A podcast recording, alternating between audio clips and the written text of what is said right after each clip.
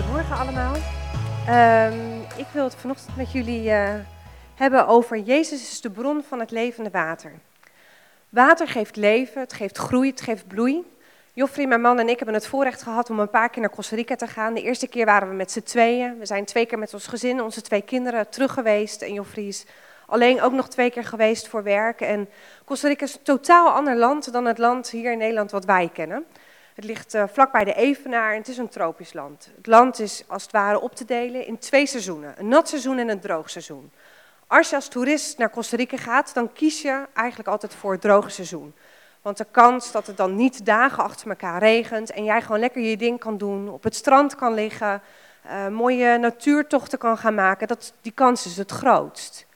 Zou je in het natte seizoen komen, dan zou je zien dat de natuur echt tot leven komt. In Costa Rica heb je ook een aantal delen die echt een heel droog klimaat kennen, en die echt wel door kunnen zijn in het droge seizoen.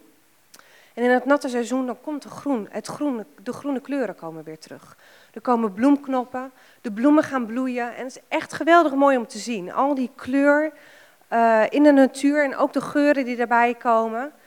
Dus water brengt natuur tot leven, geeft groei en geeft bloei aan de natuur. Wij als mensen hebben ook water nodig. We bestaan voor een groot deel uit water. Voor een vrouw is dat gemiddeld zo'n 50 procent. Een man bestaat zelfs gemiddeld uit zo'n 65% uit water. En voor een baby is het zelfs 75%. Dus als Jezus spreekt over dat hij de bron van het levende water wil zijn, dan kiest hij het woord water niet zomaar. Water is van essentieel belang om te leven. Um, ik wil graag met jullie lezen uit Johannes 7, vers 37 tot 38. En daar staat op de laatste dag, het hoogtepunt van het feest, stond Jezus in de tempel en hij riep, laat wie dorst heeft bij mij komen en drinken. Rivieren van levend water zullen stromen uit het hart van wie in mij gelooft, zo zegt de schrift. En hiermee doelde hij op de geest die zij die in hem geloofden zouden ontvangen. De geest was er namelijk nog niet, want Jezus was nog niet tot Gods majesteit verheven. Jezus sprak deze woorden op de laatste dag, uh, op de laatste grote dag van het Loofhuttenfeest. En een tekst als deze is eigenlijk alleen maar goed te begrijpen als we ook kennis hebben van het Oude Testament. Met de komst van het Nieuwe Testament is het Oude Testament niet overbodig geworden. Je moet het Oude Testament eigenlijk zien als het fundament waarop het Nieuwe Testament gebouwd is. En zonder het Oude Testament zou het Nieuwe Testament niet kunnen blijven staan. Dus ik zou je ook willen uitdagen om naast het Nieuwe Testament ook echt in het Oude Testament te blijven lezen en die verbinding tussen die twee te, te blijven leggen.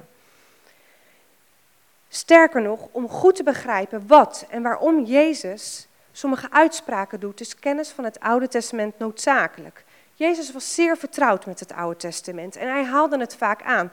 We lezen het ook hier in dit uh, Bijbelvers, waarin staat: um, Rivieren van levend water zullen stromen uit het hart van wie in mij gelooft. Zo zegt de schrift. Jezus citeert. Minstens 10% van de uitspraken die Jezus doet in het Nieuwe Testament hebben een directe of een indirecte verwijzing naar versen in het Oude Testament. Dat bewijst wel hoe belangrijk het Oude Testament voor Jezus is. Tijdens het Loofhuttenfeest werd en wordt Gods voorziening in de woestijn herdacht. Er wordt herinnerd en gevierd dat God in alle noden van de Israëlieten heeft voorzien in die 40 jaar door de woestijn. Nou, even in een notendop. Het volk Israël komt in Egypte terecht. In het eerste instantie hebben, het hebben ze het goed, leven ze op goede voet naast de Egyptenaren. Maar naarmate de tijd verstrijkt en er andere farao's komen, komen ze steeds meer in de verdrukking. Zo erg dat ze op het laatst eigenlijk als slaven voor de Egyptenaren werken, tot het moment dat God zegt stop, het is genoeg geweest. God maakt een plan en zorgt ervoor dat de Israëlieten kunnen, kunnen vertrekken uit Egypte. De Israëlieten zijn nog maar net weg en de farao bedenkt zich. Denkt, ja, waar zijn mijn werkers nou gebleven? Hij verzamelt zijn leger en gaat het volk Israël achterna. Het volk Israël komt bij een zee terecht. Ze kunnen er niet overheen, ze kunnen er niet onderdoor, ze kunnen er niet langs. Ze staan stil en ze zien Farao met zijn leger zien ze tegemoet komen. God zorgt ervoor dat de zee splijt en dat er een pad dwars door de zee komt, waardoor de Israëlieten naar de overkant kunnen gaan. Ook de farao en zijn leger gaan de Israëlieten achterna, maar op het moment dat de laatste Israëliet voet zet aan de overkant, zorgt God ervoor dat de zee weer samenkomt en de farao en zijn hele leger verdrinkt. Nou, op weg naar het beloofde land.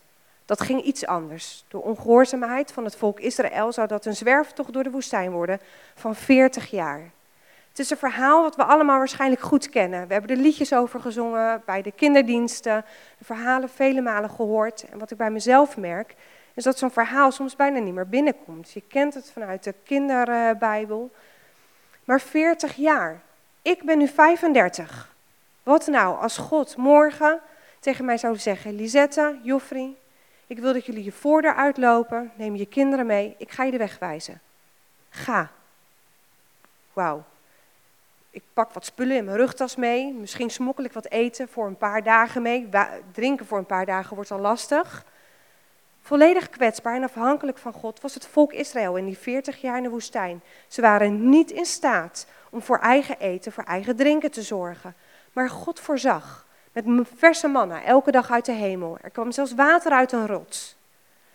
Het betekent dat ik 75 jaar ben op het moment dat ik weer voor het eerst echt in een huis ga wonen. Van mijn 35ste tot mijn 75ste zal ik God achterna gaan. Durf ik dat? Durf ik me zo kwetsbaar en afhankelijk van God op, um, op te stellen? Heel vaak hebben wij onze eigen materiële zekerheden gebouwd. Ik woon in een huis met vier stenen muren. Ik heb een dak boven, ons, boven het hoofd. Ik slaap in een bed en ik denk dat ik voor ons allen wel kan spreken als ik kan zeggen dat we minimaal een bank of een stoel hebben in onze woonkamer om op te zitten. Ik heb een baan, mijn man heeft een baan, dus elke maand zorgen we ervoor dat er geld op onze bankrekening komt en dat we daarvan ons eten, drinken, kleren kunnen kopen. En waarschijnlijk zal dat ook voor een heel groot gedeelte van jullie gelden. Voorzie ik nou zelf in al mijn noden? En waar is mijn kwetsbaarheid en mijn afhankelijkheid van God? Soms kunnen we zo vasthouden aan onze eigen materiële zaken die we ogenschijnlijk met onze eigen handen opbouwen, dat we vergeten dat God voor ons wil zorgen. En dat God zal voorzien in alles wat we nodig hebben. God voorzag dat op het moment dat het volk Israël in het beloofde land zou aankomen, dat de herinnering aan die 40 jaar in de woestijn langzamerhand naar achter zou verdwijnen. Ze zouden vruchtbare akkers hebben, veestapels die zouden groeien en ze zouden zich luxe langzamerhand kunnen gaan veroorloven, waardoor ze huizen zouden kunnen gaan bouwen. Daarom stelde God het Loofhuttenfeest in. Eén week per jaar zouden de Israëlieten uit hun huizen moeten trekken en in een schamelhutje, gebouwd van takken, loofbomen, moeten wonen. Met een gat in het dak, zodat de open hemel gezien kon worden.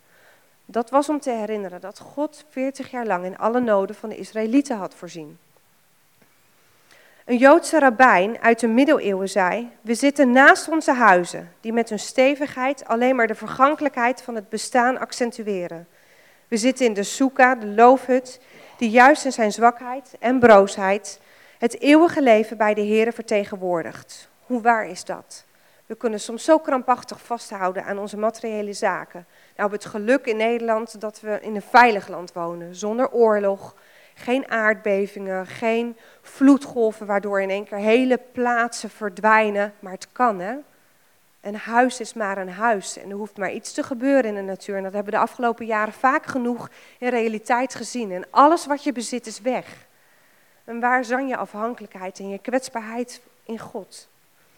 Maar weet je, als kinderen van God mogen we delen in zijn erfenis. En al het goud, al het zilver, alle rijkdom van de aarde behoort God toe. Dus waarom zouden wij ons zorgen maken over die paar duizend euro die wel of niet op onze bankrekening staat? Al het goud in de wereld komt God toe. En als kinderen van God mogen wij delen in zijn erfenis. God heeft genoeg geld. Het Loofhuttenfeest is ook het feest dat gevierd wordt vanwege de oogst die wordt binnengehaald. Dat was voor de Joden reden om blij te zijn, want zoals in Nederland was het niet gebruikelijk dat er genoeg water zou vallen voor een goede oogst. Um, nou, wat gebeurde er dan? Op de allerlaatste dag van het Loofhuttenfeest liepen de priesters met een gouden kan naar beneden de berg af naar de vijver Siloam. De vijver Siloam uh, werd gevuld met vers water vanuit een bron Gigon. En die gouden kan met water, die werd gevuld, of die gouden kan werd gevuld met water. En de priesters namen die gouden kan weer mee terug de berg op naar de tempel. Ze liepen een rondje om de tempel heen en op dat moment, daarna stortten ze het water uit die kan over het altaar. En op dat moment werd Jezaja 12 vers 3 aangehaald. Daar staat vol vreugde zullen jullie water putten uit de bron van de redding. In andere vertalingen staat ook wel ja, uit de bronnen des hels. Jezus noemt zichzelf het bron, uh, de bronnen des hels. Dus in deze waterceremonie was Jezus al op een verborgen manier aanwezig. Op het moment dat deze ceremonie heeft plaatsgevonden, dan spreekt Jezus de woorden die we net gelezen hebben uit Johannes 7, vers 37 en 38. Rivieren, uh, sorry, laat wie dorst heeft bij mij komen en drinken. Rivieren van levend water zullen stromen uit het hart van wie in mij, in mij gelooft. Zo zegt de schrift. Hierin wordt dus de eenheid tussen het Oude Testament en het Nieuwe Testament in Jezus zichtbaar. Zonder water is er geen leven mogelijk. Water is het krachtigste symbool voor het leven. Een land kan dorstig zijn naar water, net zoals ons menselijk hart dorstig kan zijn naar het levend water. En zonder levend water leidt ons hart. Jezus kent onze allerdiepste nood en daarom spreekt hij de woorden uit: Laat wie dorst heeft bij mij komen. Hoe hartverscheurend als we lezen dat Jezus niet verlaat op een steenworp afstand van het tempelplein de volgende woorden zou uitspreken als hij aan het kruis hangt. Ik heb dorst. Zou het zijn lichamelijke dorst zijn geweest? Hij was gepijnigd, gemarteld. Hij hing in de brandende zon aan het kruis. Er was waarschijnlijk al vele liters bloed verloren. Maar hij sprak niet over zijn lichamelijke dorst. Als we willen weten waar Jezus over sprak, moeten we eigenlijk een avond daarvoor teruggaan. Als Jezus in de hof van Gethsemane aan het bidden is. Jezus zweet bloed. Dat is een natuurlijk verschijnsel wat nog steeds mogelijk is, alleen het gebeurt zelden. Want het gebeurt alleen onder de extreme omstandigheid van een mens die echt doodsangst uitstaat. Jezus had doodsangst. Waarvoor? Niet om te sterven aan het kruis. Daar was Jezus niet bang voor. Althans, niet de doodsangst die hij ervoer op dat moment. Het was de beker. De beker die hij leeg moest drinken. Waarvan hij zelfs bad: Heer, kan de beker niet aan mij voorbij gaan. Maar niet mijn wil, uw wil geschieden. In die beker, die beker was tot aan de rand toe gevuld met onze zonden. De zonden van de mensen die geweest waren, de zonden van de mensen die nu leefden en alle mensen die nog zouden komen. Onze zonden zaten in die beker die Jezus dronk. Jezus was een man zonder zonde. Hij had nog nooit gezondigd. Hij had een directe lijn met God zijn Vader. En door het leegdrinken van die beker werd hij afgescheiden van God. En dat was waarom hij aan het kruis hing en zei: Ik heb dorst. Omdat hij afgescheiden was van God zijn Vader. Want dat is wat zonde doet. Ook in onze leven. Als we in zonde leven, kunnen we niet samen met God leven. En hierin is de rel zichtbaar die aan het kruis heeft plaatsgevonden. Jezus heeft in onze plaats dorst geleden, zodat wij stromen van levend water kunnen ontvangen. Jezus werd van God afgesneden zodat wij met God herenigd mogen worden. Jezus riep uit aan het kruis dat hij dorst had, zodat vijftig dagen later, nadat hij al naar de hemel teruggegaan was, de Heilige Geest kon komen en stromen van levend water in de binnenste van de gelovigen ontvangen konden worden. De letterlijke betekenis van levend water is stromend water. En stromend water dat gaat elke keer opnieuw. Voor elke dag is er opnieuw stromend water. Voor elke noden van elke dag komt er weer opnieuw stromend water waarin God wil voorzien. Soms zijn we droog geworden omdat we onze vreugde in aardse dingen hebben uh, gestopt. Genot, succes, aanzien, geld, macht, romantiek, kennis of gezondheid, wat niet zijn oorsprong in God heeft, zal er uiteindelijk voor zorgen dat het vreugde is die kort duurt, waarna we vervolgens weer droog van binnen zijn. Maar wij zijn gemaakt om voor de eeuwigheid samen met Jezus te leven.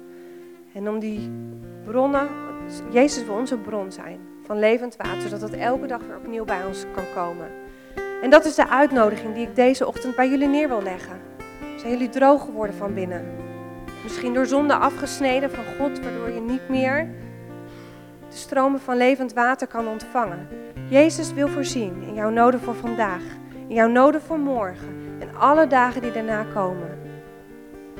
En als jij droog voelt van binnen, dan zou ik je willen uitnodigen om zo meteen naar voren te komen. Er zal een gebedsteam zijn dat graag met je zou willen bidden. En weet je, het is niet moeilijk. Je hoeft alleen maar te zeggen, Heer, ik wil u aanvaarden als in mijn leven. Je hoeft alleen maar Jezus als Zoon van God te ervaren en je zonde beleiden zodat die stromen van levend water weer in je binnenste kunnen komen.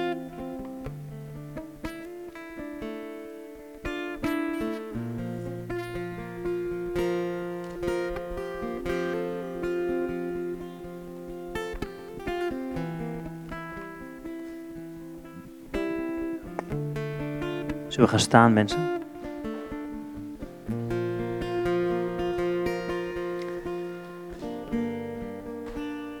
Dank u, Jezus, dat u levend water wilt geven. Om ons te vullen, om ons te verfrissen, om door ons heen te stromen naar een wereld die dorst heeft. Dank u wel dat u de brug naar ons gebouwd heeft. Zodat we bruggen naar anderen kunnen slaan.